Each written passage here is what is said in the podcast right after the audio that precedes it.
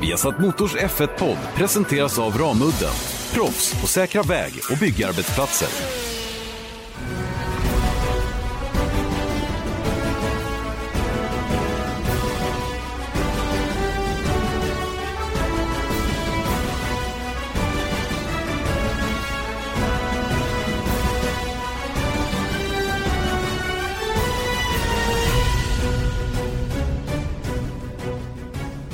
Mycket välkomna till Formel 1-podden. Vi har satt Motors Formel 1-podd med Janne Blomqvist och Erik Stenborg. Eh, den här veckan givetvis som Italiens Grand Prix som blivit en riktig rackarökare och som har fått mycket beröm, själva racet alltså i efterhand då för att det var så spännande hela tiden. Vi ska prata regler 2021. Eh, också lite halvt och uttjatat ämne, men det är ju trots allt inte helt spikat än hur det kommer att se ut. Kvalet på Monza blev ju en märklig historia. Kan man göra någonting åt detta? Bör man göra någonting åt det? Och finns det någon att klandra för alltihopa? Vi har massor med överraskningar och besvikelser givetvis. Vi pratar eh, dessutom om eh, eh Rich Energy som inte finns kvar i Formel 1 längre. och sen har vi även Kimi Räikkönen som har svarat på en, en fråga, en lyssnarfråga. Erik, gött Ja, visst. Jag, tyckte, jag sitter fortfarande och ler lite för att precis innan vi började den här bandningen så sitter Janne och våndas över att han ska starta podden på ett nytt sätt men kommer inte på något nytt sätt. Så det blev samma gamla vanliga. Men det funkar Janne, det är ingen fara. Nej, det är ju, vi, vi pratar ju två sekunder. Men å andra sidan har jag lärt mig någon gång i den här branschen att man har 20 sekunder på sig att fånga folks intresse. Mm. Sen dör det av. Men du, att, mm. du gör det bättre än vad jag skulle gjort i alla fall. Ja, okay. jag, jag hade fortfarande pratat. det är roligt för, för de gångerna jag har uteblivit för en programstart i sändning. Mm. Det har inte hänt många gånger, men någon enstaka så har ju Eje eller vem det nu har varit då blivit tvungen att liksom... Och paniken som de har beskrivit när jag inte är där och startar sändningen. Det är ju en ingress man gör. Man liksom bara ja. har en, en, några fraser som man alltid inleder med. Vad är det Janne brukar säga? Vad är det, det de brukar säga? Hej och välkommen. Så, så du vet, de, det, det... det är väl mera skräckfyllt än någonting annat av att sitta själv till exempel i en sändning. Ja, du, jag satt här med eh, Eje Älg som var på plats, jag tror det var i Turkiet. Mm, Istanbul. Varit, mm, Istanbul. Mm. Och han skulle starta en träning själv och jag bara, nu, nu får du säga vad jag ska säga. så, så, och så gjorde jag det, så, så sa han det, läste han till och sen så var det igång och då var det lite bättre, men sen kom ju mm. Så det var ju bra. Jag hade missat eh, en timmes tidsskillnad. det var det som ställde till det. Jag var vid Haga Norra typ när sändningen skulle börja. Mm, det var perfekt. Eller hur? Men du, ja. det var ju ett väldigt bra italienskt Grand Prix. Det liksom kan vara det bästa jag minns i alla fall. Eller det är det bästa jag minns. Och det är det här som man undrar då att är det här som folk efterfrågar när man drar upp liksom tidigt 2000-tal som F1s idealbild? Liksom att man ligger och pumpar varv efter varv på 100 procent. Liksom. Mm. Ettan och tvåan nära varandra. Det känns eh. ju som en, ett sånt eh, gammalt race från liksom Schumacher-eran. Ja, på sätt och vis gör det ju det, men ändå inte. För att eh, det här var ju, jag vet inte om det var så på den tiden att man bara låg och, och tokkörde för allt vad tygen höll hela tiden. Jag tror aldrig att det är så i Formel 1-lopp någon gång. Eh, det, kan, det kan te sig så eller se ut så, men det finns alltid faser när man håller igen lite grann för att eh, hålla liv i en strategi eller en taktik eller då när vi hade tankning så var det ju kanske att eh, sträcka ut stinten med två varv för att det var gynnsamt för eh, banposition och så vidare. Va? Så jag, tror, jag tror aldrig att det körs för fullt hela tiden. Ehm, det, som, det som var coolt med racet i söndags var ju att det var en sån frenetisk fight om första platsen. Det vet jag inte ens om det var på 2000-talet, i tidigt 2000-tal när man åkte. Men det var det ju inte. Det kanske det var. Någon det gång. var inte det. Nej, det var inte det. Nej. Alltså, inte generellt sett. Nej, nej. Och det, och det är ju det som gör att det här racet sticker ut. Att, eh, vad hade du räknat ut? Snittet i 45 varv var 0,9 sekunder mellan Leclerc och Lewis Hamilton. 41. Menar, 41 varv, ja. Mm. Och det är ju helt sjukt egentligen att det kan vara så. Vilket eh, säger mig två saker. Att Mercedes-bilen kanske var den snabbare bilen av de två, men inte hade banposition. Och att Ferrari var snabb på exakt rätt ställe. Det var ju det som gjorde att det här avståndet kunde ligga på, på eh, under sekunden, eh, i vissa fall strax över sekunden.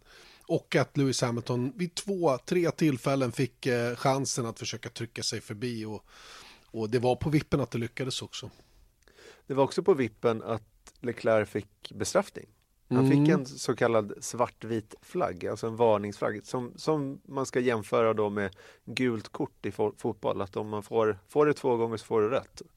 Och då blir du utesluten. Mm. Eller, ja, uteslut, i, Eller i alla fall i, bestraffad. I fotboll blir man det. I alla fall bestraffad blir man ju det. Eh, eller ska man ju bli det i Formel 1 då. För det första eh, så tycker jag det är bra att den här svartvita som någon skrev till mig, observationsflaggen då. Om man säger varningsflagg då är det någon som ska säga att nej det heter inte det, det heter observationsflagg. Alla fattar vad man menar. Jag säger varningsflagg, jag tycker det är en bra namn på det. Och det är ju så de har uttryckt också från FIA, att vi, vi, vi använder den här för att varna förarna. Det är en varningsflagg kort och gott. Eh, det är bra. det gör ju att eh, vi, vi eh, får ett mellanrum så att säga, ett litet gap mellan själva händelsen och när man faktiskt blir bestraffad. Eh, som jag tycker är viktigt att ha, ett litet glapp som finns däremellan så att man inte omedelbums. Och sen får ju naturligtvis graden av förseelse och hur grov den är bestämma om man ska ha, jag menar det finns ju de som får rött kort i fotboll direkt. Ja, Om, om man gör en tillräckligt ful grej. Då blir man liksom. Och det, det, men, det, men det här spannet emellan har kanske saknats tidigare i Formel 1. Att, att man har en liten glidskala där. När man kan dela ut en varning respektive 3-5 sekunders tidstillägg. det, det liksom mot det som folk talar emot det här då att man ska ha en sån här eh, varning är ju att eftersom Formel 1 är som det är och alla drar det till sin yttersta spets så kommer folk köra på en varningsflagg. Man, man får göra en sån, det är, det är som ett eh, fripass en gång, säger Men, men, en del. nej, men så är det ju inte. Det finns ju ingen som kan åka och åka med sådana marginaler. Att ja, men jag ska bara vara lite ful. Eh, utan de, de, man kör ju helt enkelt så som man, som man eh, har uppfattningen att regelverket tillåter. Sen kan man gå över gränsen. Det, det är inte så att Leclerc i söndags, han, han säger det i efterhand att han lärde sig i Österrike.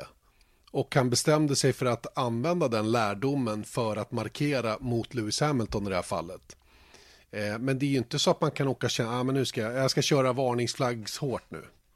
Eller nu ska jag köra fem sekunder eh, tidstilläggs hårt. Det, den, den distinktionen finns ju inte. Så att köra på att få en varningsflagg, det tror jag inte existerar. Utan det är ju när man kliver över gränsen lite grann. Eh, då, då får man en varning. Är du för grov i din, i din överträdelse, då får du en bestraffning direkt. Den, det kan aldrig förarna veta, vilket som är vilket så att säga. Va? Så det, det tror inte jag ett dugg på, att man skulle åka runt och, och få en frisläng. Det Eh, finns jag- folk som säger det. Ja, ja, ja, men det är klart att, det, det är är klart att jag, jag bara argumenterar emot ett sånt påstående. Jag säger inte att de har fel, jag bara tycker annorlunda. Eh, för att jag tror inte att det funkar på det viset. Jag, gillar snarare den här glidskalan. Att den finns där. Eh, och den borde ha funnits i Kanada. Till exempel. Ja, för- för när, när, vi ju- när vi också blev blåsta på det. Och sen, sen eh, den diskussionen är ju evig också huruvida man hade kontroll på bilen eller blockad eller vad det nu var för någonting. va. Men ibland har man ju saknat det. Att, att det finns något mellanting mellan direkt att du, du, får en, du får en chans att vara lite tuff här men inte två. Så att, Nej, och, och och, sen, sen så tror jag att det är, om man tar fotbollsexemplet som jag ändå tycker är ganska bra eftersom det är så pass likt ändå att jag tror att en förare med ett gult kort aktar sig också. Ja men eller hur? Du vill ju Därefter. inte missa nästa match eller tänk ett VM-slutspel i en kvartsfinal och du har ett gult. Du Mm. går inte som en idiot in i en, en glidtackling då. Eh, Eller om du är i semifinal i VM till exempel och har ett gult. För får du ett till, ja då spelar du inte finalen. Även om du spelar vidare just den här matchen. Så det är lite så här, och i, det man kanske skulle kunna tänka sig då att, att det finns någon form av registrering på varningar man får. I, i, eh, i, över flera race. typ som man har de här reprimanderna som till slut då ger, ger eh, bestraffningar i förlängningen. Men, men då blir det ju onödigt byråkratiskt går och över, Ja. överreglerat också. Du. Nej, men det, det, vi, så här är det, vi, vi måste ju lita på domarna och deras fingertoppskänsla lite grann. Det, det blir ju alltid, och det här hänger ju också ihop med subjektivitet och objektivitet, huruvida man jag menar, Toto Wolf står och säger att ja, vad skulle de ha gjort? Gett Leclerc fem sekunder, då hade de ju behövt poliseskort, va? Eh, domarna ut från banan. Eh, sådana påståenden är ju bara så onödiga från hans håll, för det är bara bygger upp, det är bara underblåser ju där att, att det skulle finnas någon form av eh, lokal korruption då hos domarna. Jag menar, det var Derek Warwick som satt där uppe, han är britt, precis som Lewis Hamilton. Mm. Så att jag menar, det, det, är liksom, det sånt där tycker jag är onödigt. Va? Men jag förstår ju också att man, att man använder den där typen av retorik efteråt för att sätta lite press och, ja du vet. Ja, men man är ju eh, sig själv närmast. Det är ja, men det eller som hur, är, är, grejen och det ska man inte glömma bort när man läser sånt Men de är heller, så förbannat typ. noga med alla andra uttalanden och vad de säger och de är ju liksom... Eh, jo, men det där var ju ett noggrant uttänkt eh, säg från Toto Wolf också såklart. Jag menar, titta på hur det blev med som italienska pressen efter Österrikes GP när, mm. när Verstappen tryckte ut eh, Leclerc. Mm. Vilket var en ganska lik händelse ja, ändå. Eller hur? Och, och då går alla italienare ut och säger att nej men det var ju för att eh, Verstappen hade så mycket fans på läktarna så de vågade inte. Och det är precis, mm. det är exakt likadant. Ja, visst. Visst, och jag förstår ju att Lewis Hamilton är irriterad på ungefär samma sätt som Leclerc var det då i Österrike. Jag trodde inte att man fick köra på det där viset, säger de. Men, men, Nej, hans... men grejen är att jag tror nästan inte att Hamilton har varit med om det själv. Förstår du? Nej, så är det. Så är det. På, I varje fall på väldigt, väldigt länge. Mm. Så att han har inte sett det här first hand. Det har ju Leclerc gjort i Österrike. Så då tar han lärdomar därifrån och applicerar dem på Italien. Mm. Och, då, och då funkade det. Och jag tycker liksom inte att, jag menar, tänk om de hade gjort det, vilk, vilk, vad synd det hade varit. Jo, jo, men det får aldrig vara ett, det får aldrig vara ett hänsyn man tar. Nej men det, nu i ja, efterhand så hade ja, det varit ja, tråkigt och jag tycker inte heller att händelsen eh, liksom var värre än en, en varning heller. Nej, inte den då, men den andra då genom Kurva Grande då efter att han hade genat eller missat chikanen. Eh, där har jag inga problem med att han får behålla banposition och så vidare. För det enda Leclerc gjorde genom att åka över det där, det var att förlora tid. Och mm. hamna i ett läge där han höll på att bli omkörd av Lewis Hampton. Så det, det är inget snack om. Men där är han ju också väldigt, väldigt tuff, vinglar lite fram och tillbaka. Eh, och, du, och, Hamilton var ju på radion där också och sa att det är lite farlig körning här nu som pågår mm. eh, i väldigt hög fart. Um, och, och, då har ju helt plötsligt Leclerc gjort två saker. Där kanske mm. båda skulle ha renderat en varning. Mm. Och då blir det lite mer bekymmersamt naturligtvis för Leclerc. För då, då, när, då, har han liksom, då börjar vi komma till det läget att man har förtjänat en bestraffning till slut. Ja. Ja, men, den hade jag nästan mer, alltså personligen hade jag nästan mer problem med den. Eftersom mm. jag tror inte att det där hade du vet, det är ju nya, moderna, säkra F1-sjukan, tycker jag. För jag tror inte man hade gjort det där på 80-talet eller början av 90-talet när det var lite, lite läbbigare. Inte enligt Eje i alla fall, för han sa att sånt där sorterade ut sig själva då på den tiden. Eh, förarna liksom redde ut den typen av körning mellan varandra och, och på lite olika sätt. Men, men, så kanske det är. Att man helt enkelt lever i någon slags falsk säkerhet och tycker att man kan vingla och fara. Jag tror helt enkelt att man är så pass tävlingsinriktad att man, man gör allt man kan. Och jag kan tänka mig att en förare som sitter och kör när, när han tittar, eller när han kör, ja, men jag ändrade inte spår. Jag bara, jag bara gradvis flyttade ratten lite grann så här. Så när man tittar på bilderna utifrån sen så ser man, åh, det flyttar sig ju jättemycket.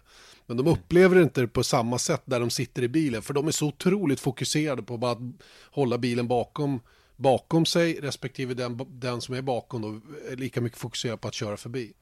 Och, och, i ärlighetens namn när det gäller, när det gäller Hamiltons försök i den Della Rodja-chikanen så var ju det att det är ju ett öv, det är ju för optimistiskt att gå på yttern där. Vi hade ju en annan situation som inte gav någonting. Det var ju Sainz och Albon genom Lesmo 1 Eh, och där var, det ju, där var det ju den nya bedömningen att är du på yttern då har du förlorat kurvan. Mm. Och jag tycker att det är lite samma läge för Lewis Hamilton eh, in i, i Della Rodja chikan. Är du där så är dina chanser att lyckas med en omkörning nere i kanske 20 procent. Jämfört med ja, den som är på insidan. Ja. Så, så att, eh, och det, jag tror att sådana grejer också gör att, att eh, Leclercs lilla, ja, sin armbåge i det där läget eh, kommer undan med en varning. Och sen så, han gjorde ju något liknande Hamilton alltså på Fettel i fjol. Men då var han i ett helt annat läge. Han var ju mycket, mycket högre upp. Mm. Så att det var ju lite också den här gamla sjukan som jag nämnde tidigare. Att, att liksom vingla i, genom kur, Kurva Grande.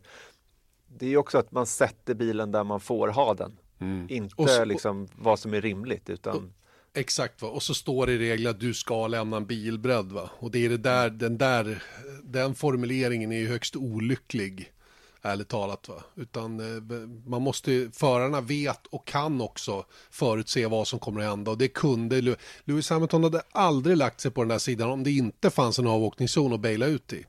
Nej, det, det kan vi vara rätt överens om, eller hur? Mm, mm. Så att det, det, är ju lite, det är, det är alla de där bitarna också som man får, eh, får ha med om. Um, ja, Ja, och det är ju, du, du, vi pratar faktiskt bara om Hamilton och Leclerc här, för att det var nästan inga andra som visades i tv och det var mm. väldigt lite annat som, som, som egentligen skulle ha mitt intresse i alla fall tycker jag. Ja, inte när det såg ut som det gjorde så följde produktionen det helt korrekt. Sen så gjorde de lite felklipp och sånt också, vilket vi kan komma till, till senare. Men hur som helst, du sa att, att sa det två saker. Jag säger också apropå att, eh, att, eh, hur racet såg ut. Jag tror också med tanke på då att Ferrari har varit så pass snabba så att de har vunnit i Belgien och Monza så tror jag att Ferrari sett till hur deras bil är beskaffad eh, att de kommer få svårt att vinna fler lopp i år på ren fart. Mm, det är väl mycket som talar för det. De här eh, riktiga höghastighetsbanorna då som passar Ferrari-konceptet är, eh, är över för i år. Eh, det är klart att det kommer banor med långa raksträckor framöver också, men de är också mer aerodynamiska.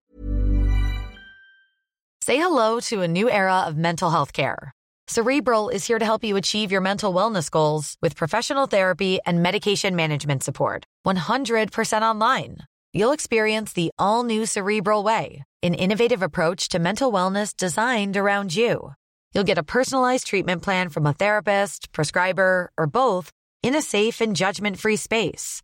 Your cerebral therapist or prescriber will outline a customized plan with clear milestones along the way so you can get to feeling your best. With Cerebral, you're not alone in your mental health journey. We're here to empower you to live a fulfilling life. So take that first step towards a brighter future and sign up today at cerebral.com slash podcast and use code ACasts to get 15% off your first month. Offer only valid on monthly plans. Other exclusions may apply. Offer ends July 31st, 2024. See site for details. Krävande i många fall och det gör ju att Ferraris chanser då att, att klå Mercedes eh, minskar. Jag tror att de kommer att få svårt många gånger att även hålla Red Bull bakom sig faktiskt. Som, som, eh, nu, har, nu har Red Bull avverkat sina två sämsta banor på säsongen. Mm. Precis som Mercedes. Och Ferrari har haft sina två bästa. Så nu blir det ju lite, nu blir det å andra sidan intressant att se tycker jag om Ferrari. För jag tror att Ferrari och Red Bull kommer att vara rätt jämna och jag tror att Merca kommer att vara några procent bättre. Mm. Vänta nu, v v Ungern vann Verstappen där? Hamilton. Just det. Hamilton vann över Verstappen på en lite mm. annan däckstrategi där. Så var det. Men i mm. Singapore, där tror jag man ska hålla ögonen på ja, Red Bull såklart, men Red Bull. Max Verstappen och Lewis Hamilton tror jag kommer att vara i, i sitt esse där. Det tror jag också faktiskt. Mm. Och ja, nej, men vi får se hur det går helt enkelt. Men du, nu har vi haft så himla många bra race på olika sätt de senaste, senaste tiden. Åtminstone sex från höften i rad. Och då börjar man tänka så här att vad, vad beror det här på? Kan det mm. vara så att saker och ting har jämnat ut sig så pass mycket så att vi har ett ganska bra reglemente? För jag tycker inte att det är något problem med omkörningar heller. Man kör om, man tävlar om saken, man kommer nära. I varje fall ofta. Mm. Och då ska vi ändra reglerna till 2021. Och då vet man ju oftast vad som händer efter direkt efter ett reglementesbyte. Nu är det här eh, reglementet som kommer då till 2021 i tanken då att det ska liksom främja omkörningar och bättre racing för att bilarna ser annorlunda ut rent aerodynamiskt. Men jag börjar tänka liksom lite nu till 2020, alltså nästa säsong. Vad kommer, tänk om McLaren har tagit lite ytterligare kliv upp och så även Renault som kan slåss lite med Red Bull och sen så helt plötsligt så är det en annan bana där Renault faktiskt eh, dominerar och sen så är det Red Bull som har ett bra streak på tre race och det kan ju bli en väldigt, väldigt bra säsong och sen så drar man ett nytt reglementesändring och så är det någon som får till det helt perfekt och sen så är man dominanta i tre år i rad. Ja, så kan det, det ju, bli. Det är ju det som är risken med ett nytt reglement, att det är någon som hittar det, the golden bullet så att säga. Då. Och jag är väl inne på samma som dig där, att, att ju längre ett reglemente finns kvar, desto mindre eh, marginal får ju de som ligger längst fram att förbättra bilen.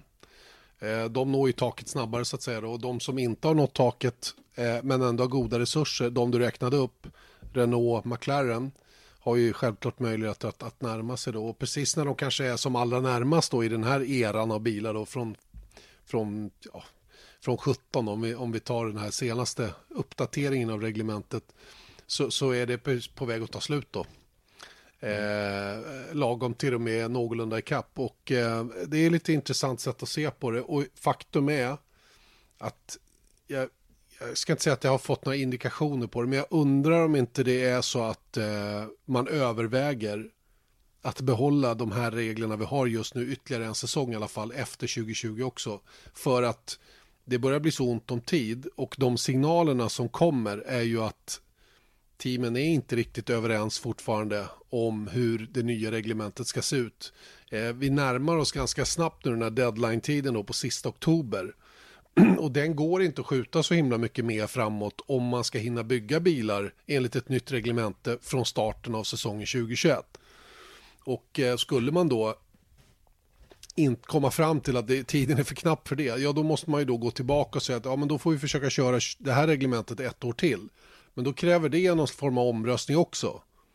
Mm. För att det skulle kunna gå vägen. Och den är inte alls säker att alla är överens vid. Och då har man ju riktigt hamnat i skiten ärligt talat när det gäller hur man ska gå vidare så att säga med allting. så att, um, Eller att det blir någon halvmesyr av någon slags blandning av jag, saker och ting. Jag är just nu är lite så här småorolig. Va? Jag hoppas att alla tar sig samman nu och är lite konstruktiva och inte bara ser till sitt eget bästa utan kanske också till till matbordets bästa så att säga. För alla de här aktörerna i Formel 1 jobbar ju runt samma matbord så att säga och eh, de vill ju alla att det ska vara rätt så eh, bra där uppe. Och eh, det, det, perspektivet saknar man ju kanske ofta i Formel 1 och jag hoppas att man på något sätt sätter sig över sin egen situation på kort sikt för att kanske få någonting bra på lång sikt. Mm. Och jag vill också säga då att jag inser, jag är inte dummare än att jag inser att det är fortfarande stort avstånd till, från mitten upp till toppteamen. Så att det här budgettaket som alla pratar om, eller cost capen, är ju väl ganska vedertaget att de flesta teamen vill ha ett sånt oavsett oh. på vilken nivå. Oh ja, oh ja. och det, det, problemet är att det kanske är lite för högt satt fortfarande mm. och att man har exkluderat väldigt stora kostnader eh, såsom förarlöner och, och eh, managementlönerna inom teamen då. Och eh, det knepiga är ju kanske att de som förhandlar om det här det är ju de som själva är anställda mm. eh, teamchefer.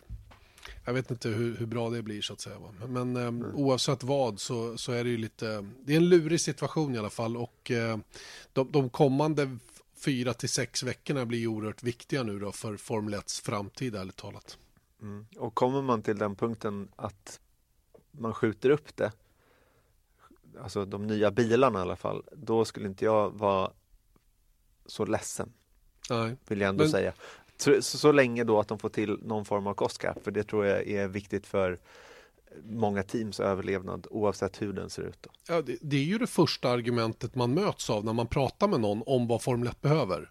Det är det absolut första nästan alla säger. Det är att vi måste få en jämnare fördelning av intäkterna för att inte några ska sprinta iväg. Och det, det, är liksom, det är nummer ett. Det är nummer, nummer ett när det gäller förändringar i Formel 1. Det är bara det som man ska lägga fokus på. Och i slutet på 2020, december 2020 var det väl så att det gällande Concordavtalet går ut. Utan, efter det, sen har man inget Formel 1.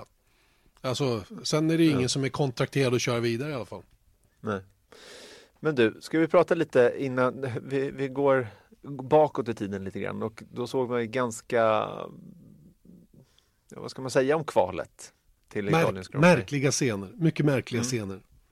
Chockerande scener. Ja, chockerande. Jag var rent av arg en liten stund. Nej, först så log jag och skrattade. Eller så här, ja, vi, vi, hade ju alla förstått att det skulle bli någon form av eh, konstigheter i slutet på kvalet. Eftersom då bilarna som de ser ut just nu är väldigt beroende av eh, slipstreaming för att få de där sista två tiondelarna. Och här när det diffar en halv sekund mellan ettan och tian i Q3, då är det klart som, klart som tusan att, att två tiondelar är superviktiga.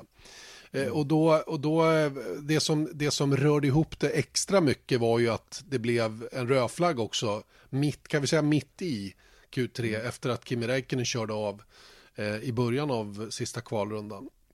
Eh, och då blev det så att då blev det omtag, alla åkte in och så tänkte jag, vad ska vi göra nu då? Mm.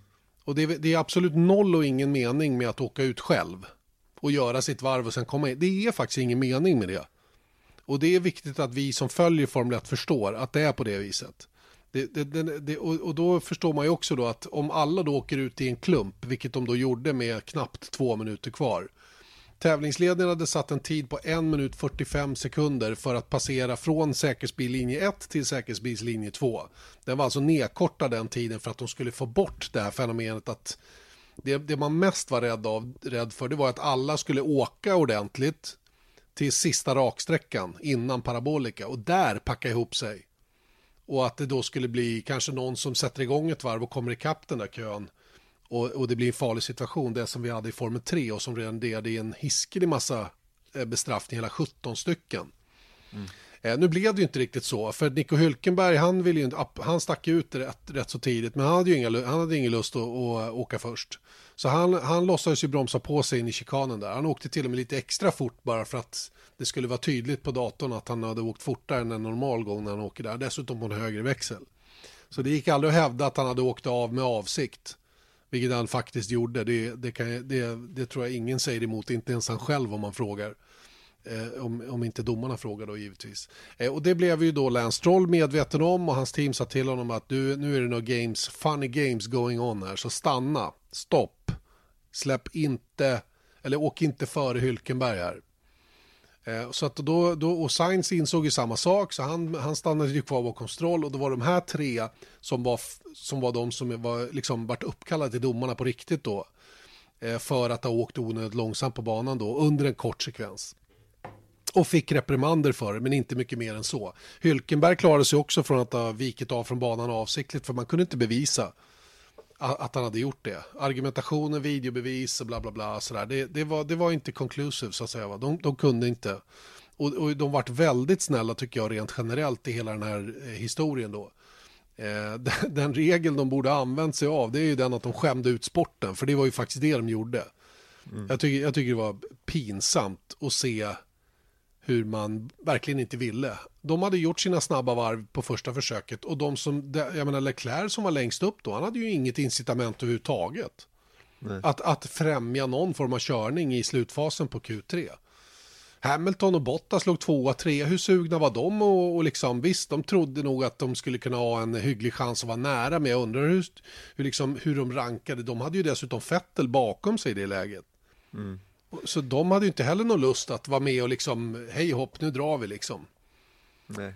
Men, men det som jag tyckte var ändå, visst, jag, jag köper alla dina argument där med att det var synd att publiken framförallt då blev bedragen av eh, att se det här sista försöket. Men det blev också en ganska spännande spännande situation när man såg alla de här bilarna åka ut och liksom de kubbas och så här, okay, var, var, för allting handlade om att ligga någonstans i kön.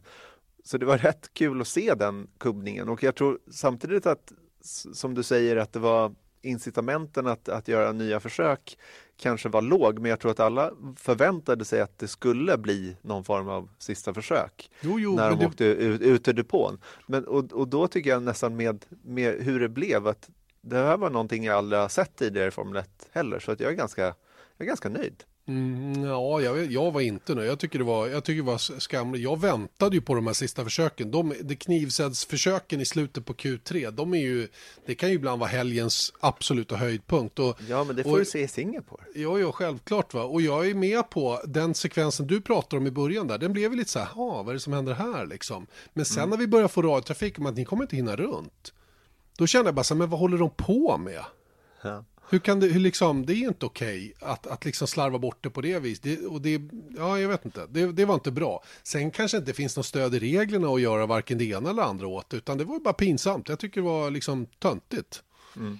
Det, men, det, men... det, det, det, det var inte andemeningen med Formel 1. Absolut inte. Men nu blev det som det blev och då Ja. tycker jag det blev spännande fram tills att det inte längre var spännande. Men vad är det som helst. Man kan ju inte, som du säger själv, man kan, det är ju svårt att klandra någon för det här egentligen. Att det blev så här nu, nu när reglerna inte sa det. Förarna. Jo, men jag, jag tycker har- ändå att det är så här, jo men absolut, det är klart att de ska ut och kvala, men det, hade de, det är samma sak som att säga att Leclerc kör sitt första varv och känner så här, nej men jag kan inte köra snabbare, då gör jag inte mitt andra försök. Det, det var ju ungefär så också. Så Visst. då undrar jag så här, kan man tvinga ut förarna? Nej, det kommer aldrig gå. Det tror jag inte. Utan det är ju liksom, det, det är ju 12 minuter i Q3 tillgängligt. Och det är upp till var och en att bedöma när man måste åka ut och hur fort man måste köra för att kunna starta sitt varv. Eh, och de hade gott om tid att göra sina varv när de åkte ut. Det var inte att det var snålt med marginal där strax under två minuter, tvärtom. Det var bara det att ingen ville. Det var ingen som ville ligga först och det var några som visste att ja, men, det här är ju helt lugnt. De som satt pyrt i, det var ju all, de som inte hade gjort något varv under det att det var gul flagg eller när det blev röd flagg. De behövde ju ut och jaga och vem gjorde det då? Det var ju Carlos Sainz. Han jagade ju faktiskt runt och påbörjade ett varv. Leclerc han påbörjade sitt också, men han hade ju inget att köra för när alla andra missade målflaggen, så han struntade i det ganska på en gång. Så, så det, det var ju en grej. Och här har vi några gubbar, jag tycker vi ska lyfta fram det också från kvalet, det här med Bottas. Han får ju alltså en röd, han, får, han åker på en rödflagg på sitt snabbaste första försök. Kimi Räikkönen kör av. Det blir tydligt röd flagg innan Valtteri Bottas kommer till mållinjen. Han får varning på ratten, han får lampan på banan. Men meddelandet om rödflaggen till teamet kommer inte förrän han har passerat över linjen. De systemen är alltså inte synkade. Och reglerna säger då att det är the message board som är det som gäller. Så att Valtteri Bottas blev ju av med sin tid och sen så fick han en återinsatt igen när de hade sett att det var på det här viset. Kollat klockan helt enkelt. Så egentligen borde han ha blivit borta. Han borde också ha blivit, fått sin tid struken. Sebastian Vettel kör med hela bilen över vita linjen. Och får behålla sin tid. va. Det var två kon- konstiga beslut från, från, till båda de här topp- toppteamen så att säga. Då. Så det var ju inte heller någon, någon sån här äh, Ferrari-konspiration att han fick behålla den tiden. Jag tyckte bara att det var konstigt. Och samma här. Ja, då hade de inte, då tyckte att de såg någon ovanifrån bild och sen att det stod i, i reglementet att det ska inte vara fysisk kontakt med vita linjen. Den ska på något sätt ha kontakt med vita linjen och det kan ju vara då att den buktar däcket lite grann och täcker då när man tittar rakt ovanifrån. Så täcker det då vita linjen vilket betyder att du har en liten del då som har kontakt med vita linjen. Och i och med att de inte, ja men det är ju liksom vad fan. Vad de på med? Jag håller Sätt, med. Men sätt, du, sätt ett elektriskt larm. Som skriker rakt ut när de inte kör där de ska. får en elchock runt En halsen. el, ja, eller tappa 80 hästar. Nej, vi ska inte dra igång den diskussionen. Nej. Det var bara, de, grejerna gjorde ju att de, deras två varv räknades ju. Så de var ju i alla fall med i matchen. Det hade kunnat sett ännu värre ut för både Vettel och Bottas om det här, den här farsen på slutet hade fortsatt och de inte hade kunnat gjort sina varv. Då hade de blivit tvungna att gasa på lite och då kanske de hade skickat ut Hamilton och dra Bottas runt för att se till att han fick en vettig varvtid. Man vet aldrig. Men du, då tänker jag så här att det finns ju vissa diskussioner då om att redan till nästa år att införa ett kvalrace på lördagar istället för ett vanligt kval. Då. Och då kan jag ändå tänka att det finns ju vissa banor under året där sånt där ofta händer. Vi såg det i Kina, vi såg det på spa, lite light-versioner dock jämfört med Monza. Och sen så nu på Monza då. Och tänk om man skulle göra kvalrace just på de här tre banorna. Visst, och de pratar om fyra tillfällen under 2020 att testa det. Så det är kanske där man gör det, jag vet inte. Jag gillar idén rent generellt. Det är väl en Ja, jättebra idé att ha. Ja, ja, absolut. Det är många såna här purister som blir arga då när man kommer med såna här förslag. Men jag är inte riktigt så. Jag, jag kan tycka att eh, jag tycker det är fräscht att prova. Jag är beredd att, att se vart det leder till. Eh, det är så dyrt att köra Formel 1 så köra någon icke-mästerskapshelg för att prova format och sådana så det kommer ju aldrig att hända. Utan det får ju bli skarpa, skarpa tester så att säga. Va? Och eh, det kan de väl göra. Det tycker jag vore en, en spännande grej. Några stycken under året där man testar den varianten att köra ett kvalrace, ett kortare kvalrace om startposition. Ett kvalrace där man startar i omvänd mästerskapsordning. Om jag har förstått saken rätt. Ja, exakt. Så att, ja, men jag tror att det kan bli rätt coolt faktiskt. En, en annan lösning på det här problemet på Monza det är ju att man har ett, en, en shootout-avslutning istället för en grupp, en grupp under en tid. Att Ja. eh, man, man kör, för då får man lite fight också i Q2 om att verkligen gå till shootouten. För ibland upplever jag att de, de tillräckligt snabba teamen, de, är, de, visst de går ut och gör sina varv. Man har ju försökt bygga bort det där också genom att tvinga dem att köra ett däck som de vet att de måste starta racet på. Så, så lite finns ju det. Men, men tänk att ha en, en shootout med de åtta bästa till exempel. Så att eh, vi avgör eh, 12, 12 till 20, eller eh, 9 till 20 då i Q1 och Q2. Och sen så de åtta främsta då kör ett varsitt varv ensamma på banan. Det vore ju fräckt ju. En riktig sån här, riktigt. ja men på något sätt så tycker jag det, det, det, hade jag, det hade jag gärna sett. Jag har ju varit med så länge så jag har ju sett de här envarvskvalen sedan tidigare. Men bara en, en snabb avslutning, shootout, skulle jag tycka var fräckt. Mm. Det som är dåligt då för de sista två platserna, för då är det inte några Red Bulls eller Mercedes eller Ferrarisar generellt sett då, och då vill inte de gå till Q3 eller till shootout. Kanske, kanske. Ja. Det finns alltid av, av Exakt, det är det jag menar. från alltihopa. Det är därför vi kan ha den här podden, till och med Exakt. på vintrarna Janne, för att Det- det finns ändå mer att prata om. Det är det som är så sjukt. Vi har sett Motors Formel 1-podd som eh, fortsätter då, Janne Blomqvist, Erik Stenborg, eh, där vi har eh, pratat mycket Italiens Grand Prix om det viktiga därifrån. Vi har pratat om kvalet eh, som blev en stökig historia. Nu ska vi dela ut lite överraskningar och besvikelser. Vi har ju vårt eget lilla betygssystem här som är jag vet inte om de överraskningar och besvikelser kanske stämmer till, övra, till 100%, men vi använder det plus och minus. Exakt. Det är bra eller dåligt kan man Ja, säga, ja. men vi kallar det överraskningar och besvikelser. Ja. Det är, vi är innovativa, vet du. Ja. Men du, Charles Leclerc, det måste ju bli en, en positiv överraskning i alla fall. Och vad har då Leclerc gemensamt med Bruce McLaren som jag stavat med S, ser jag, det är fel. Bruce med C ska det vara. Eh, Lewis Hamilton, Damon Hill, Nigel Mansell och Mika Häkkinen. De är tillsammans med Leclerc de första eller de enda som har tagit sina två första racevinster i Formel 1 VM helgen efter varandra. Korrekt. Bra Janne! Mm. Du kan Ja. din F1-historia. Nej, det, det, det var ju en sån där, eh, det var en av de statsen som dök upp efter racet. Där. Jag råkade faktiskt komma ihåg det. Jag är verkligen ingen statistiker. Jag hatar statistik och jag glömmer det och jag kommer aldrig ihåg eh, och jag försöker komma ihåg vissa grejer, så här riktiga nyckelprylar. Men eh, oftast så, min inställning är att dra massa statistik i, i sändningar så att ingen kommer ihåg vad man har sagt i alla fall tio sekunder efter. Då är det ingen idé att slösa en energi på det. Liberation var hans känsla i presskonferensen efteråt, vilket alltså översätts till frihet. Och det var väl det. Hans poäng med det var väl att det var extrem mental press. Alltså han hade hemmaplan. Han kom från, från en seger i Belgien. Eh, hans första race som Ferrari-förare på Monza. Hamilton precis bakom honom. Mm. Då Ja. kan jag förstå att det känns som frihet när man får kliva ur den där bilen. Visst, visst. Och jag tror också det fanns en enorm eh, ska jag säga, euforisk känsla att få släppa lös glädjen över att vinna ett Formel 1-lopp. Han kunde ju inte det i Belgien. Det blev så Nej. återhållet allting med det tråkiga som hade hänt där på lördagen. Så att den här helgen, nu kan han bara, man hörde det riktigt, han vrålade ut glädjen över att vinna det här racet och, det, och på sättet han gjorde det. Jag menar, det var ju lite games eh, going on eh, i Ferrari på lördagen där och det var inte, Sebastian Vettel var inte jätteglad över att eh, det blev som det blev under kvalet till exempel. Va? Och, jag har fått eh, flera vittnesmål på att Leclerc kan vara riktigt, riktigt tuff. Under den här polerade ytan så finns det en kille med horn i pannan som, eh, som är beredd att gå rätt långt. Han kan vara fokuserad om vi använder det ordet då. Så att eh, och, och, han, är, han är verkligen på väg nu att glida in i, i liksom vinnarhålet, inte bara i, i liksom Formel 1 generellt utan även i Ferrari, vilket är inte minst viktigt för, för framtiden så att säga för hans del. Det här var ju Vettels femte italienska GP som Ferrari-förare om jag minns rätt. Och Leclerc tar det på första försöket då, alltså första segern för Ferrari på hemmaplan sedan 2010. Det var Alonso som tog den då. Jag menar, han kommer inte behöva betala en nota i Italien så länge han Nej. lever. Var det inte Damon. Hill som, som tweetade något? Något sånt. Om just det? Ja, Ja, Jag tror det är en vedertagen uppfattning. antagligen.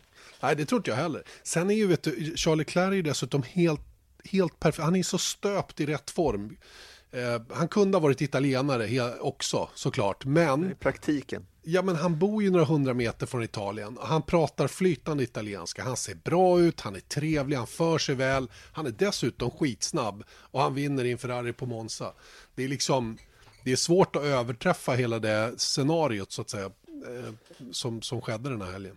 Mm. Och jag tycker liksom bara sättet han kör på nu och om man betänker då att han har drygt en och en halv säsong i F1 och han kör ju väldigt, väldigt stabilt. Jag menar, det är ju man har glömt bort att han är så ny.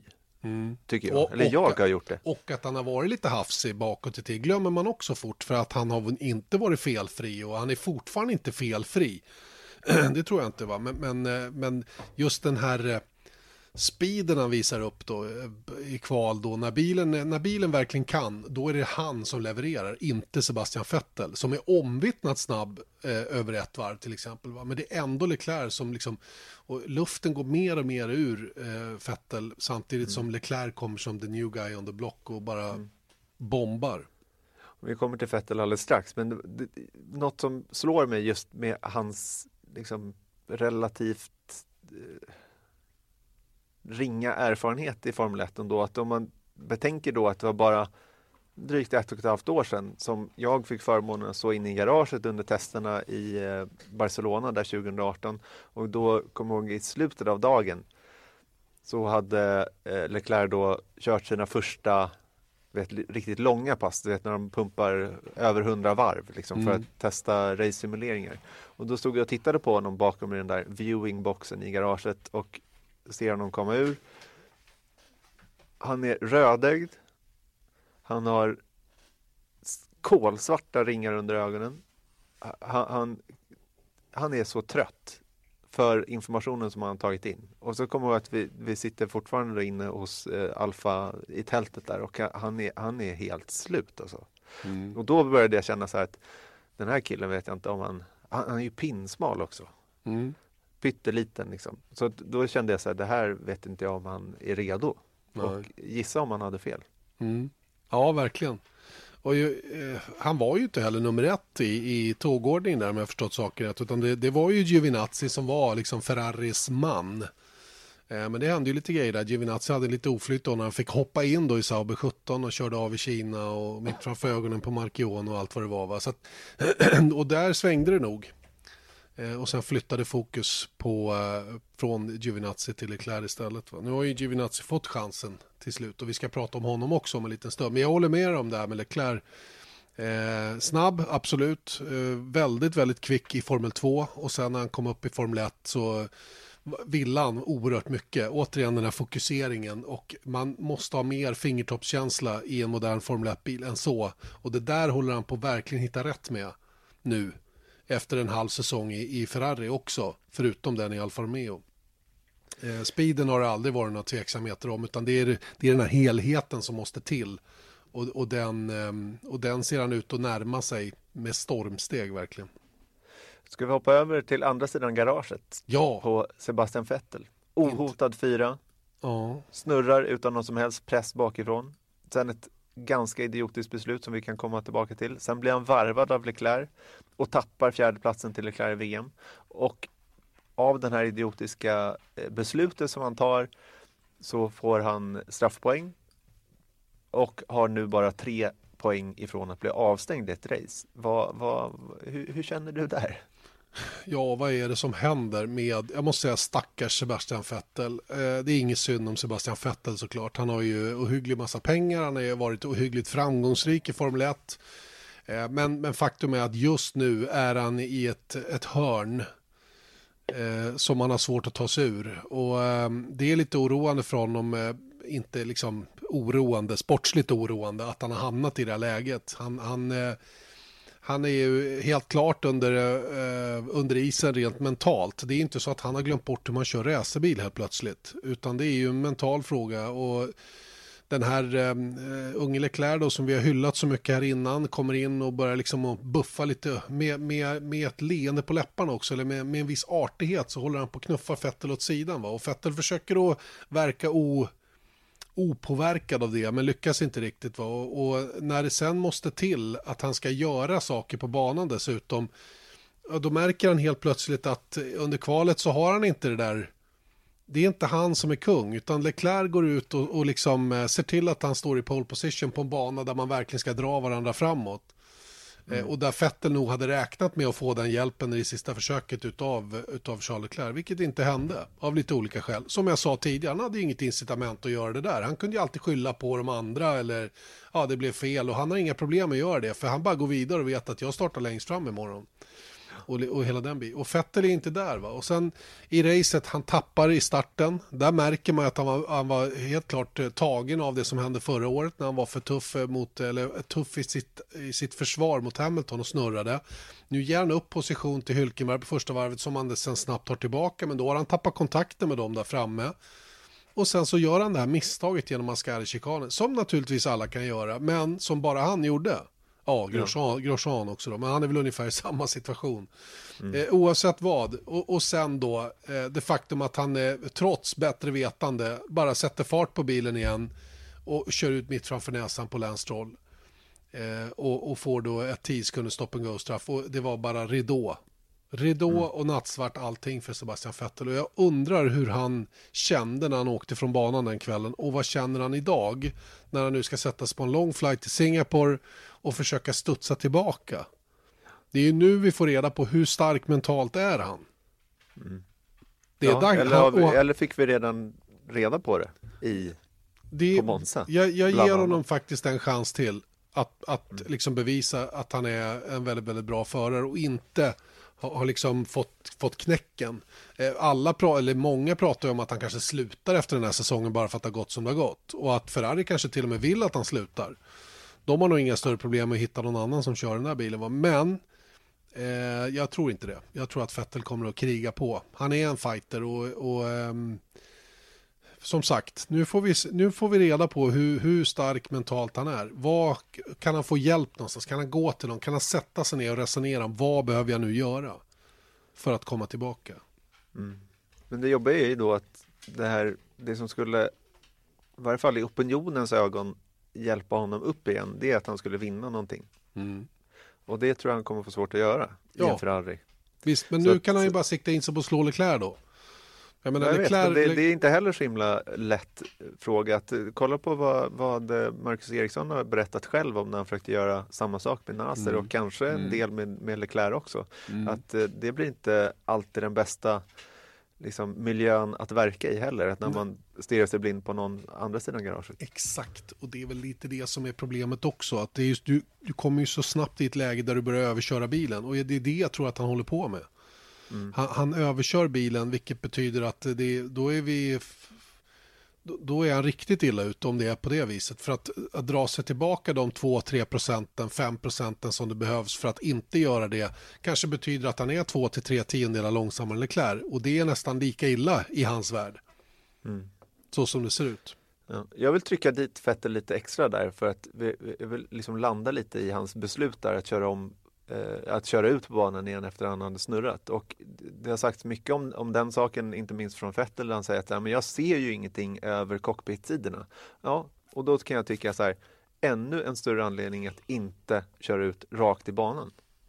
Jag menar, jag tycker att det är en helt galen grej att göra. För, att, för det första då, i, det finns GPS hos teamet. Det finns tv-bilder hos teamet. Så han kan säga så här, Am I, I can't see. Kan jag köra ut? Och jag förstår också att jag har aldrig suttit i en, en Ferrari Formel 1-bil på Monza i Italien och känner att eh, racet håller på att rinna mig ur händerna. Vilket kanske ledde till snurrningen eh, från första början. Men oavsett, jag menar speciellt efter det som hände i, i Belgien i Formel 2, att köra ut rakt i en bana under racefart. Jag menar det, det, det är så dumt så att det inte är sant. Han har också en backväxel som man kan få in. No good, kort och gott. Och, och, jag kan inte säga emot det där. Och Michael Masi är inne på precis samma sak. Han säger att anledningen till, eller det han skulle ha gjort var att till 100% försäkra sig om att alla hade passerat. Sen köra och göra det då med hjälp av teamet. Som utan vidare hade kunnat hjälpa honom med det. Detsamma gäller faktiskt Lance som gör exakt samma sak efter att han då har blivit drabbad av Fettel så får han hela hjärnsläpp och kör ut mitt i vägen för, för Pierre Gasly. Och mm. det är precis samma sak där. Nu fick han ett lite lindrigare straff för han orsakade inte allting från första början. Utan han var ju, mer, han var ju lite offer i alla fall inledningsvis. Va? Men, men många eh, tyckte ju att Vettel borde ha fått svart flagg till och med. Det vill säga blivit diskvalificerad från racet. Och det hade inte jag haft några synpunkter på egentligen om det hade skett. För det är en så pass allvarlig förseelse. Ja, och han var ju han, ja, för min del hade han lika gärna kunnat få det, absolut. Ja, och han, det, så... han, han, fixade det själv på något sätt. Ja, men exakt. Men det var liksom... så långt, jag varit ju så långt efter så det är liksom, hade ju lika gärna kunnat åkt in i garaget och, och spart på kilometerna på den här nya motorn. Precis. Och du nämnde Stroll och det är väl vår nästa besvikelse överhuvudtaget. Att det är också en sån där, att man kan nästan, det är kanske elakt att säga det, men man kan förvänta sig lite av Stroll, men inte av Vettel. Men ändå också tycker jag att, för han drar ju hela eh, harangen igen till oss i den mixade zonen efter racet att här, men jag vill inte stå mitt i banan på, på, eh, i idealspåret så att jag, jag kände att jag, jag behöver dra härifrån. Men jag menar, han är ju längre ner på banan och man ser faktiskt hela vägen i utgången när man är i Ascari så att han stod inte så jävla illa som han, han menar själv. Så han borde inte heller ha gjort det där, speciellt när han råkade ut för exakt samma sak tio sekunder mm. tidigare. Så det gör ju också ännu mera hjärnsläppigt. Men dessutom var Stroll på väg mot poäng för femte gången i år och för tredje gången i de fem senaste racet och det slänger han bort. Och speciellt då med tanke på om vi kommer till en överraskning eh, härnäst och det är Perez som ja. kom sexa efter en katastrofal helg upp till dess. Ja, avåkning redan på första träningen. Han eh, körde sönder motorn. Eh, fick ta en ny Spec 2-motor av Mercedes. Mercedes som alltså introducerat Spec 3. Men det fanns ingen tillgänglighet för Perez att ta den här helgen. Så han, han, han har alltså tvingats ta in en gammal motor i cirkulation. En ny gammal motor. Och, eh, och att ba, mot bakgrund av det då, visserligen händer det ju massa grejer runt omkring men att ändå köra mål som sexa och förlänga sin svit av poängtagande race på Monza är ju faktiskt riktigt, riktigt imponerande av Perez tycker jag. Eh, 2014 och framåt nu har han varit på poängplats varje år. Eh, och det är great, starkt. Great stuff. Eh, överraskning är självklart också Renault. Eh, första gången båda eh, bilarna är, går i mål topp 5 då. Sen Japan 2008. Då var det Alonso som vann och Nelson Piquet blev fyra. Eller om han blev femma. Eh, hur som helst. Bara 18 poäng upp nu. Eller bara. Det är fortfarande rätt mycket poäng. 18 poäng. Jag trodde att, att de hade kommit lite närmare. Men det är alltså bara 18. Eller de är 18 poäng bakom McLaren då. Och eh, Toro Rosso blåste de ju förbi där. Och eh, osedvanligt bra fart. Och det var någon som frågade mig på Twitter och argumenterade om att den bilen kanske skapar för mycket drag och för lite downforce. Jag tror precis att det är raka motsatsen. Den här bilen är ganska, den är ganska effektiv aerodynamisk. Det den saknar är peak downforce. Eh, det, det som man pratar om Ferrari saknar jämfört med Mercedes. Det vill säga det här, den här viktiga downforcen på, på, i vissa kurvor den absoluta spiken så att säga när man mäter, den, den har inte riktigt Renault. Va? Och får de ordning på det och börjar hitta rätt med det bättre och nu när motorn drar som den gör, då kan de här bli riktigt bra framöver. Mm. Lex 2020, typ, hoppas jag. Typ. Och då kommer vi ner till en McLaren-förare som är ändå en besvikelse, kanske inte för egen förskyllan, men jag håller ögonen på Carlos Sainz och att han ska kliva förbi Gasly på sjätte plats i VM nu när Gasly flyttar ner till Toro Rosso. Eh, men ännu ingenting på den fronten efter att ha brutit för andra gången i rad och har nu sju poäng upp till Gasly, Toro Rosso-föraren. Mm. Men det känns ju som att eh, det kommer. Men å andra sidan så tog ju Gasly ändå poäng i Belgien. Han gjorde det. Han tog två poäng i Belgien. Ehm, det som är grejen med Sainz är att han håller en så himla hög nivå när allting funkar. Det var precis samma sak i, Italien. Han var med där. Femte, sjätte plats, sjunde kanske eller vad det nu hade kunnat bli i mål om de hade fått dit alla fyra hjulen då när han gick i depå. Det är små, små marginaler. McLaren har ju faktiskt en rejäl potential. De är inte långt bakom, eller de är nog snarast före Renault. Eh, det är de ju definitivt i poänglistan, men även paketmässigt tror jag att, att McLaren Renault är bättre än Renault Renault så att säga. Va? Och det där måste de utnyttja på ett bättre sätt. Nu hade man en bil på femte plats i Belgien som dog ut på sista varvet mm. och, det, och det kan man inte skylla på McLaren. Det är ju eh, McLaren Renault, men det är ju liksom helheten på något sätt. Och den här gången fick de inte på alla hjulen. Så att, vet, de har ju tappat rätt mycket poäng och leder ändå ganska stort över Renault, 18 poäng då i konstruktörs-VM. Så att, eh, det är... Jag förstår om, om, eh, om man kan tycka att Sainz var en besvikelse, men, men jag tycker ändå att hans helg rent generellt var bra. Eh, du har skrivit B här, men jag antar att du ja, menar Ö. Du menar jag kan, Ö. Jag, jag, kan ha skrivit vi, pratar, vi pratar om Antonio Giovinazzi. Som ja. efter att ha kastat ut två poäng genom eh, bakdörren ner i soptunnan i Belgien då på näst sista varvet faktiskt tar två VM-poäng för Alfa Romeo då i, i Italien. Eh, dock vet jag inte om jag är så imponerad av hans insats för jag, vet, jag tror inte han hade fart för de där poängen om, om typ Kviat och, och Sainz hade gått i mål. Eh, men han tar dem trots allt och det är himla starkt gjort med tanke på det jag var med om förra helgen och den pressen han måste ha kommit till Monza med. Mm. Och hela uppbyggnaden tänker jag också på att det var ju eh, väldigt mycket halabaloo för Ferrari-förarna såklart men även för Alfa Romeo. De hade något att vänta på torsdag kväll och man såg eh, det är klart att jag menar för en hemmaförare så är det alltid mycket fokus på dem. Men jag tror också att efter att ha haft en ganska bedrövlig säsong så tror jag att en sån här um, uppbyggnad till ett hemmarace kan, kan vara något jobbigare. Jag bara gissar nu men jag, jag, jag tror det för det blir alltid Han måste ju förklara sig lite. Varför har du bara en poäng medan Kimmy har 31? Mm. Jag menar, det är alltid, måste ju ändå vara huvudfrågan. Alltså, ja, men jag hoppas på det bästa och nu ska jag göra mitt bästa här i Italien. Och sen så gjorde han ändå det. Han gjorde det och eh, höll ihop det som sagt på ett bra sätt. Han, han har ju fortfarande problem att, att liksom maximera bil och material eh, över de 30 milen på söndagarna. Han, är, han var 2000 delar långsammare än Kimi i Q2. Så det är inte någon fart på hans speed egentligen. Va? Men det känns som att han han tar Ingen inte fart det där... på hans speed? Vad menar du? Jag menar, det, det är inget fel på hans speed menar jag. jag eh, en brain fart eh, vad ja. det blev. Eh, utan det, det, är liksom söndagarna som är knux, kruxet för hans del. Han behöver bli bättre på söndagar. Han behöver köra sina stint snabbare, kort och gott. Och det är det Absolut. han verkar ha problem med. Så att, Men med ja. tanke på det här då, sitter han kvar resten av säsongen? Sitter ja, han kvar 2020? Det tror, jag tror jag får nog svara ja på båda faktiskt. Eh, om jag är fel, inte fel underrättad så tror jag att Sky, brittiska Sky sa att han har redan skrivit på för nästa år. Eh, jag tror kanske inte att det är så, men att det finns någon väldigt tydlig option. Framförallt är ju platsen Ferraris.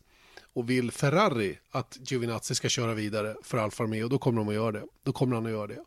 Och eh, vad är alternativen? Alla går ju och väntar på Mick Schumacher och eh, det är inte så himla lätt att hitta ett bra andra alternativ så att säga. Jag har hört lite olika varianter på vad som skulle kunna funka. Ta in Nico Hylkenberg istället för Giovinazzi nästa år. Hylkenberg och Kimmy vore ju en grym uppställning att ha. Sen om Kimmy kastar in handduken då till, till 21, ja då är Hylkenberg där och kan då vara en bra partner till Mick Schumacher som kommer i bla bla bla. Så det, det finns ju sådana där eh, liksom, ekvationer. Liksom. Ekvationer och då skulle dessutom Ferrari kunna ha en Hülkenberg tillgänglig om de skulle behöva eh, så att säga i, eh, i, i, sitt team av någon anledning då om Vettel eh, måste ha lite support eller vad det nu är för någonting. Men jag Erik... tror, jag, jag tror ja. Eh, liksom grejen med allt det där är att Givenazzi han är junior, de har lagt ganska mycket resurser på honom, han är italienare, det är bra. Jag menar, det, det finns mycket som talar för Giovinazzi och om han hittar lite, lite mer fart under hösten här så, så tror jag också att han, han ligger bra till. Och grejen med, om, om man ser då Alfa Romeo som ett Toro Rosso för Ferrari, eh, så, så jag, Ferrari har ju aldrig svårt att hitta kanske absoluta toppskiktet. Där är folk, där är förarna liksom uppknutna i kontrakt. Men jag tror att snacka om att eh, alla Hylkenbergs i världen skulle liksom slänga allt vad de äger och har för att få, få chansen att köra på, för Ferrari om chansen skulle komma. Så de behöver liksom inte vara så förutseende, inte lika förutseende som, som eh, många andra team, tror jag.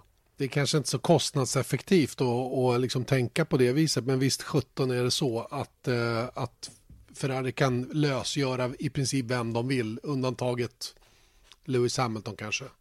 Mm. Men han verkar ju också snegla åt det där hållet. Han är nog bra sugen i alla fall att testa och göra det ja. som varken Vettel eller Alonso lyckats med. nämligen att bli mm. världsmästare. Och som faktiskt Kimi Räikkönen har lyckats med, att bli världsmästare för Ferrari. Faktiskt. Mm. Apropå Kimi Räikkönen så vet ni ju att vi tillsammans med Betsafe eh, erbjuder er att, eller har erbjudit er att ställa en fråga till Kimi Räikkönen som han då svarar på här i podden och idag är det Andreas Olström som får ställa frågan om barnen och Kimi Räikkönens son Robin. För även om man själv får välja tror du att det finns en möjlighet att han då går i dina fotspår i frågan och som vanligt så svarar Kimi mm, typ på frågan.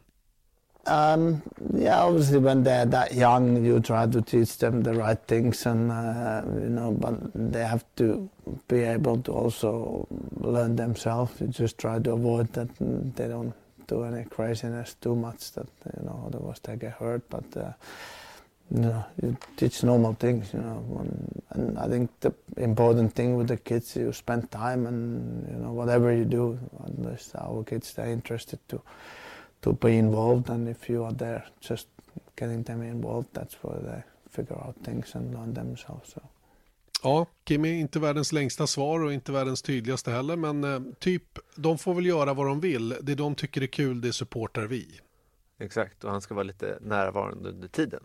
Just det. Det, är väl, det är väl en bra, i och för sig, jag tycker liksom Superbra, eh, superbra. Vi är båda bra. Men lillpojke Robin åker väl redan motocross och har väl kört gokart har jag sett. Så att jag menar, det är klart att han han pappa, pappas, eh, pappas intresse går ju nedåt så att säga. Exakt, så mm. att eh, jag, eh, jag ligger i lä där. Jag måste börja köpa crossmotorcyklar och sånt också. Men grejen är att Jag såg något så... obagligt tennisracket eller något. Ja men det är bra. Det är, är det bra? Aha. Ja det är mycket, mycket bra. Hockeyklubba? Nej, är, du det... en sån, är du en sån där alltså? En, en, en, en sån förälder som jagar framgång genom ditt barn? Nej, för att eh, jag tror att han är nog mer intresserad av eh, reptiler och eh, ah. arkeologi och sådana där saker. Bra, och det är kanske inte min. Här, men, men det är... En Harrison Ford? Ja, men lite så. Jag har pratat om Indiana Jones. Han är väldigt eh, spänd på den saken. Faktiskt. Vi, pr vi men, pratar eh, alltså Eriksson Gusten här nu som har börjat ja. första klass nu, eller är det inte så? Jo, ja, nollan. Förskolan, nollan. Jag, jag har större hopp för motorsporten i alla fall till min andra son. Mm. Om jag säger så. Men eh, vi, vi, kan väl lämna det där. Men i alla fall, Andreas, eh, vi kommer ta kontakt med dig över Facebook och så ska du få en eh, Alfa Romeo-keps från Betsafe skickad underbart. till dig i brevlådan. Underbart, underbart. Eh, det om detta. Eh, avslutningsvis måste vi ju ta några ord om Skäggis a.k.a. Eh, eh a.k.a. William Story, eller är det kanske tvärtom man säger, eh, som, som, som inte längre är kvar i Formel 1 med sitt Rich Energy. Jag kan inte ens börja dra i alla de här trådarna runt omkring eh, den här historien, men alla ni som följer Formel 1 och lyssnar på den här podden tror jag har koll på att Rich Energy har varit sponsor till Haas, eh, och att det blev ett, en viss kalabalik när, de, när den här William Story då bakom Rich Energy sa att nu slutar vi med det här för att Haas är för dåliga. Mm. Och sen har problemet, det varit... problemet var väl att de inte sålde några burkar läsk heller. Så typ. det var väl det som var lite underliggande där. Men ja, hur, lång historia kort, det blev väldigt kalabalik under sommaren som du sa med William Story. Eh, då det började gå lite knaggligt för Rich Energy som var väl något av ett luftslott kan man väl säga. Eh, och då började han eh, agera lite som eh, Donald Trump gör på, på Twitter och bara skickar iväg massa galna grejer och det här var hårresande grejer som eh, William Story eller Rich Energys Twitterkonto säger om, om eh, HAS då. Och eh, sen så har det liksom ändå hängt kvar att eh, det var ju snack under sommaren om de verkligen skulle köra med Rich Energy eh, spons men det har de gjort. Men det gjorde de sista gången också i Italien. Så i Singapore kan vi vänta oss svarta och guldiga eh, hasbilar men utan eh, logotypen där det står Rich Energy. Typ så va? Typ så. Mycket bra sammanfattat. Jag tycker nästan att Haas borde ha varit med på vår besvikelselista men jag har varit så besvikna på dem så många gånger nu så att det är ingen idé.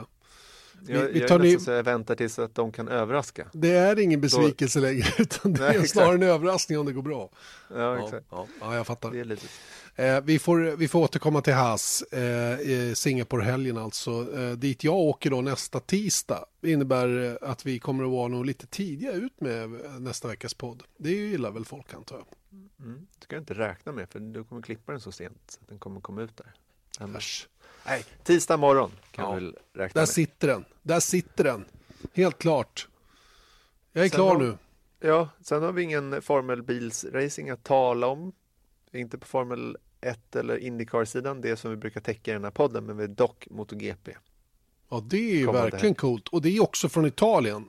Vet, ja. jag, var, jag har varit där och mm. gjort eh, MotoGP-racer på Misano som är det är ju det, det är coolt alltså, för det är precis samma galna fansskara. Dock är de ju eh, doktorer hela bunten. Ja. Och eh, det, det, det är helt stört att vara där på Misano när de verkligen sätter igång. Och det är en cool bana, området är fint.